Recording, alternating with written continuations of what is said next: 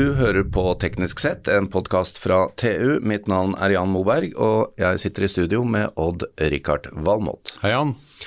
Du, Odd-Rikard, uh, jeg ansatte jo ikke deg. Nei, gudskjelov. Ja, for deg eller meg? Kanskje for begge. men men uh, ble det gjort noe sånn bakgrunnssjekk da du fikk jobb i dette selskapet? Nei, faktisk jeg bare skled rett inn jeg, med alle mine lyter. Ja, det. Ingen kontroll. Jeg tror de sjekket mine referanser den gangen jeg ble ansatt ja. her, men jeg tror ikke de sjekket om referansene Eller at de sjekket at referansene var sjekka, holdt jeg på å si. Nei. Nei. Det er vel ganske vanlig, er det ikke det? Jo, men i disse digitale tider da, så blir det jo mye greier du kan manipulere, og, ja, ja, og, og, og det er jo så mye informasjon der ute. Mye mer nå enn før.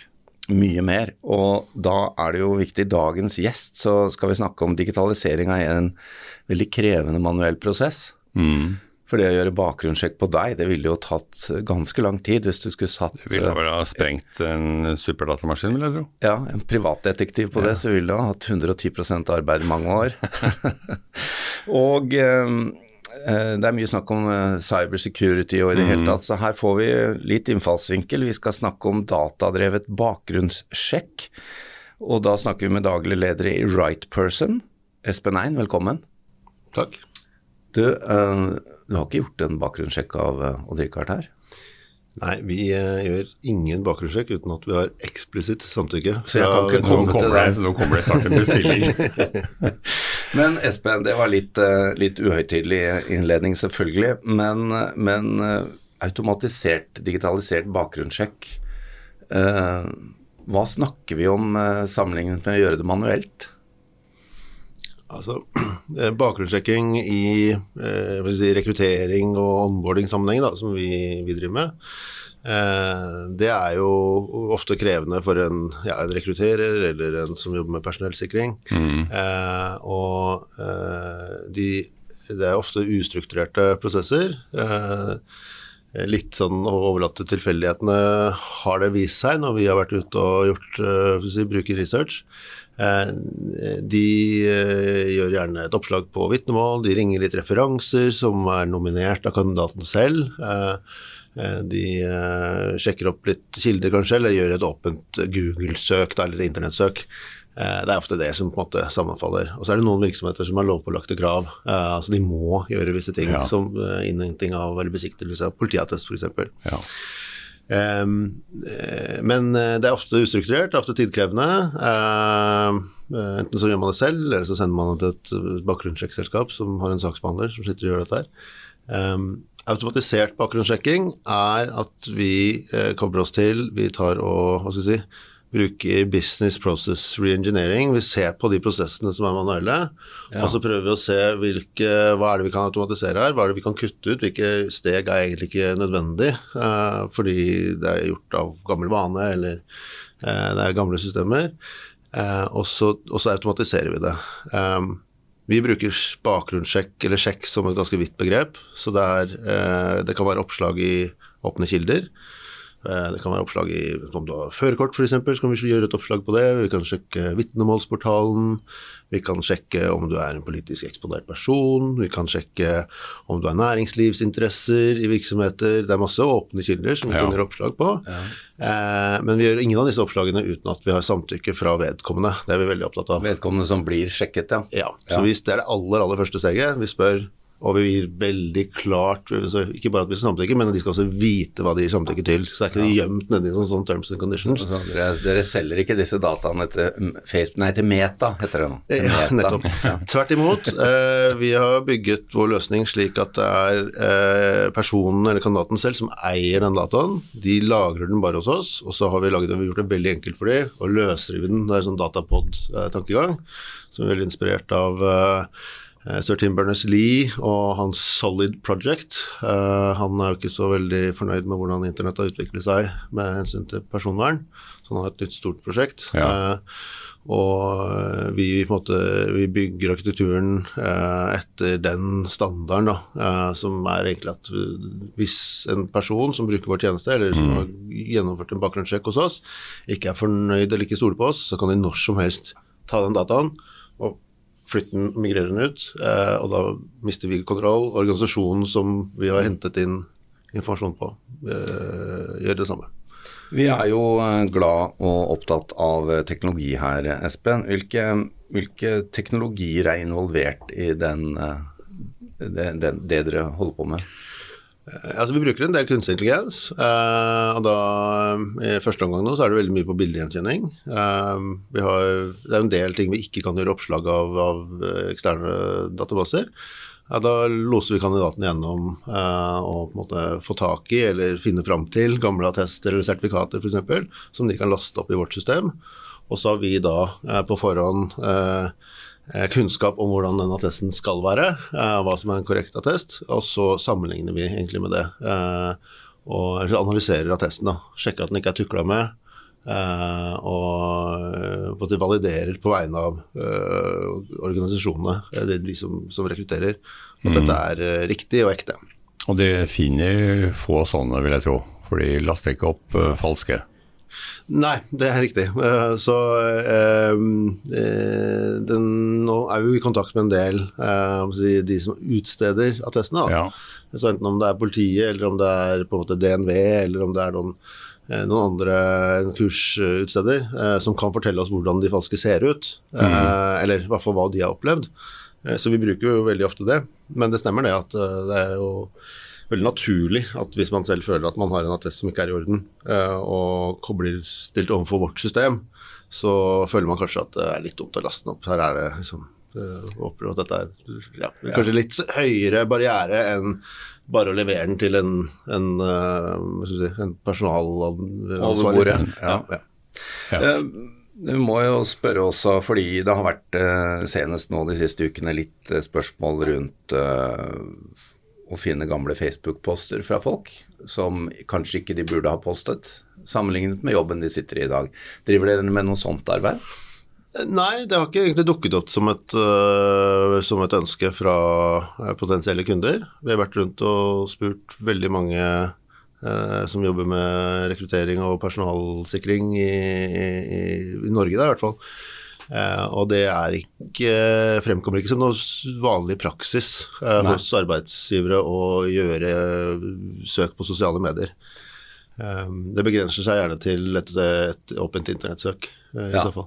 Rett og slett til Google-søk, ja. ja. Men jeg må også spørre deg, Espen. Dette er jo en, en startup, det er en ny virksomhet. Stemmer. Og dere kan jo ikke ta hele verden med en gang. Hvor, hvor, hvilke kundegrunnlag har dere begynt på, eller kundegruppe? Når vi researchet dette her, så var vi jo veldig på er det energibransjen eller er det finansbransjen. Kommer har mye bakgrunn fra det selv.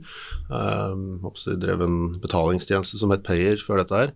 Uh, og det var veldig naturlig å tenke finansbransjen, ja. for de har jo en del krav. Ja.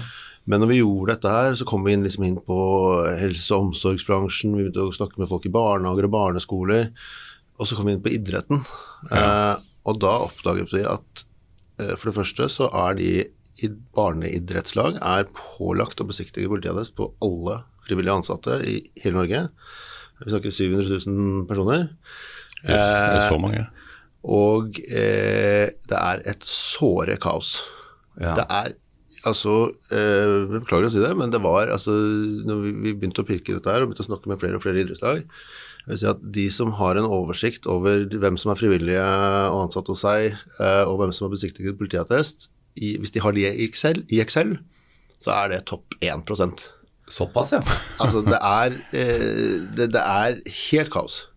Ja, men det er jo opptatt av å lære å skåre mål, ikke å lage Excel-ark. Absolutt, det er klart det. Man skal være opptatt av idretten, og man skal være opptatt av liksom Det er jo, det, er jo ja. det sportlige som er, som er, det. Men det er jo samtidig ekstremt viktig at barna er trygge på trening. Det har jo vært mye episoder i idretten.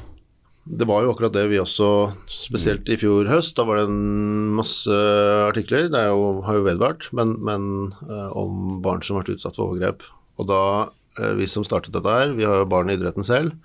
Eh, og vi kjente at du, her, dette her er såpass uh, viktig uh, for oss, og det kjennes så måte, rett å begynne med, at vi, vi, vi, valgte å starte med barneidretten. Men Hvor stor korrelasjon er det mellom um, overgrepene og at det fins en politiattest som antyder at her er en ugle i mosen? Det har uh, vi ikke data på, den korrelasjonen.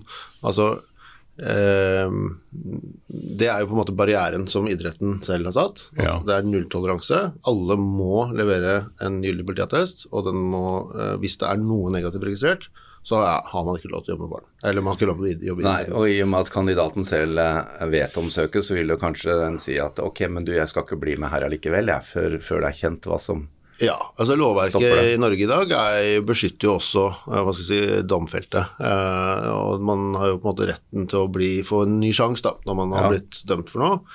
Eh, men det er unntak der, og det er å, å, overgrep mot barn. Ja. Eh, eh, den vil aldri forsvinne. Eh, så når man da sier at man kunne tenke seg å bli frivillig trener for et idrettslag, og man bestiller en politiattest hos politiet, så vil det da alltid fremkomme. Eh, og, men da, klart at da kan jo vedkommende velge å ikke levere attesten. Ja, for vedkommende vil jo vite det først. De får den alltid hjem til seg. Ja. Eh, og det er også et veldig viktig eh, rettsvern, da. Eh, det kan jo hende at det dukker opp noe som du har glemt, en liten sak eller et eller annet sånt, noe som du syns er ubehagelig, kanskje, kanskje ikke akkurat en overgrepssak, men, men si noe i en annen jobbsammenheng, da.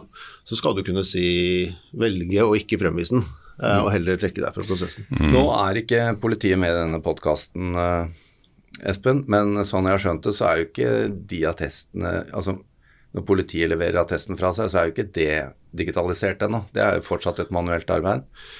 Det er korrekt. Uh, og sånn sett kan man jo si at en politiattest er jo uh, utdatert det sekundet den er produsert. Ja. Uh, for du vil jo ikke få vite noe om hva som skjer i etterkant. Eh, og nå er også politiet ekstremt strenge i forhold til idretten med at man ikke kan bestille en ny attest før det har gått fem år. Og såpass, ja. Det er noe som uh, idrett, uh, NIF og idretten har protestert mye på. Uh, vi skulle jo helst sett at det var Oppdatert årlig eller noe sånt. Ja, eller enda oftere. løpende. Vi er jo, Norge er jo verst i Europa ut ifra hva vi har funnet ut når det gjelder mulighet til å bestille en ny politiattest. Som regel så er det tre måneder eller tolv måneder rundt omkring i verden, eh, eller i Europa. Eh, men eh, det er nok med ressurshensyn, da, først og fremst. Det Dette er jo denne politiattestbestillingen den går jo til en saksbehandler i Vadsø politikammer, alle sitter der. eh, Og så tar det jo litt tid da, å produsere hver eneste en. Og de produserer jo en del, for det er jo ikke bare for idretten, det er jo for eh, 70 forskjellige bransjer i, i Norge. Så, eh, så det er nok ressurshensyn som er stor store utfordringen der. Men, i- men ideelt sett så skulle det jo vært et, eh, et register som vi kunne gjøre, bare gjøre et oppslag i, med samtykke fra vedkommende. Eh, og så hadde vi fått eh, svar med en gang. Det hadde ikke vært behov for å produsere noe attest, på en måte. Altså, vi, det, det bare for en bekreftelse. Men du, Barneidrett det er, det er startpunktet deres. Dere har jo store planer skjønner jeg, om å gå videre på mange andre bransjer. Det er riktig. Eh, idretten har vi valgt fordi det er viktig, og fordi at øh, vi ser at det er korte beslutningsprosesser, så det er relativt raskt å få kritisk masse. Eh, Ja. Det er ofte de samme som gjør innkjøpene, som er de som skal sitte og faktisk håndtere eh, bakgrunnssjekken. Um, uh, vi er allerede nå, så nå er vi ute med det produktet. Vi har et produkt for barneidretten. Det Ja. har vi testet nå og fått validert. Dette er kjempetilbakemeldinger, og, og idrettslagene vil ha det en masse. Uh, men nå, vi skal jo eller Denne softwaren her kan brukes til mye mer. Ja. Um, så dette her er jo uh, et verktøy som eh, kan brukes i nesten alle bransjer, vil jeg si. Eh, Det er mange bransjer som vil være interessert i å få dette på stell. I høyeste grad. Ja. Eh, når vi snakker med folk som driver med dette, her, personellsikringsansvarlige eller HR eller rekrutteringsansvarlige, så er det veldig mange som sier at de sover urolig om natten fordi de føler at de har ikke ting på stell. De har ikke gode nok rutiner, de har ikke gode nok systemer, de har ikke den tekniske kompetansen til å gjøre de oppslagene som trengs. ja. Eh, og det er jo det vi løser for dem. Vi gir jo dem et verktøy hvor de kan få inn alle ansatte eh, inn i systemet sitt. Eh, og så får de en veldig enkel oversikt med sånn triasj, grønt, gult eller rødt, på om eh, vedkommende har gått gjennom alle sjekkene, og om det er noe mer de må se på eh, på vedkommende. Hvilke type bransjer og industrier ligger nest i løypa for dere, da? Eh, forsikring og finans eh, veldig naturlig for oss. Og så er det barnehager, en veldig naturlig utvidelse fra, fra, fra idretten. Eh, og derifra også barneskoler. Og så begynner du å få omsorgsboliger og en del sånne ting. De har stort sett de sammenfallende behovene. Det er de samme typer sjekker som trenger å gå gjennom. Mm. Eh, og så er det jo eh, si, eh, energibransjen, offshore. Eh, alle måte, spesialiserte yrker hvor man trenger å kvalitetssikre kompetansen til folk. Ja, Ja. eh, Ja, for der går det ikke nødvendigvis på politiattester, der går det på kompetansebevis og sånn, kanskje? Ja, eh, så Aker hadde jo en stor sak hvor de hadde hentet inn eh, masse sveisere fra, fra Tyskland som hadde forfalsket sveisesertifikatene sine. eh, Og de, når det ble oppdaget, så måtte de jo gjennomgå byggingen av en hel oljerigg. Eh, Ja, Det kostet eh, ufattelig mange millioner. Eh, hadde vi da kunnet på en måte validert det sertifikatet, front, ja. ja. Eh, så hadde de jo unngått det. Um, og det er ofte altså det er offshore helsesertifikat, det er uh, truckførerbevis, det er eh, eh, det er eh, altså veldig mange typer sertifikater da, eh, som, eh, som er viktige i ulike jobbsammenhenger. Det er veldig spennende, Espen. Vi, eh, vi må bare ønske deg lykke til på de nye, nye områdene. Og så må vi, Odd Rikard, vi må jo sjekke ut dette her, da. Tror må få sjekke oss, Jan. Ja, jeg bør sjekke deg, og du bør sjekke meg. Er det sånn? Nei, jeg tror det. Er det, er det første Det tror jeg er første by. Er det nå? Takk til deg, Espen Ein, daglig leder i Right Person. Takk til Odd-Rikard Valmot og til vår produsent Sebastian Hagemo. Mitt navn er Jan Moberg.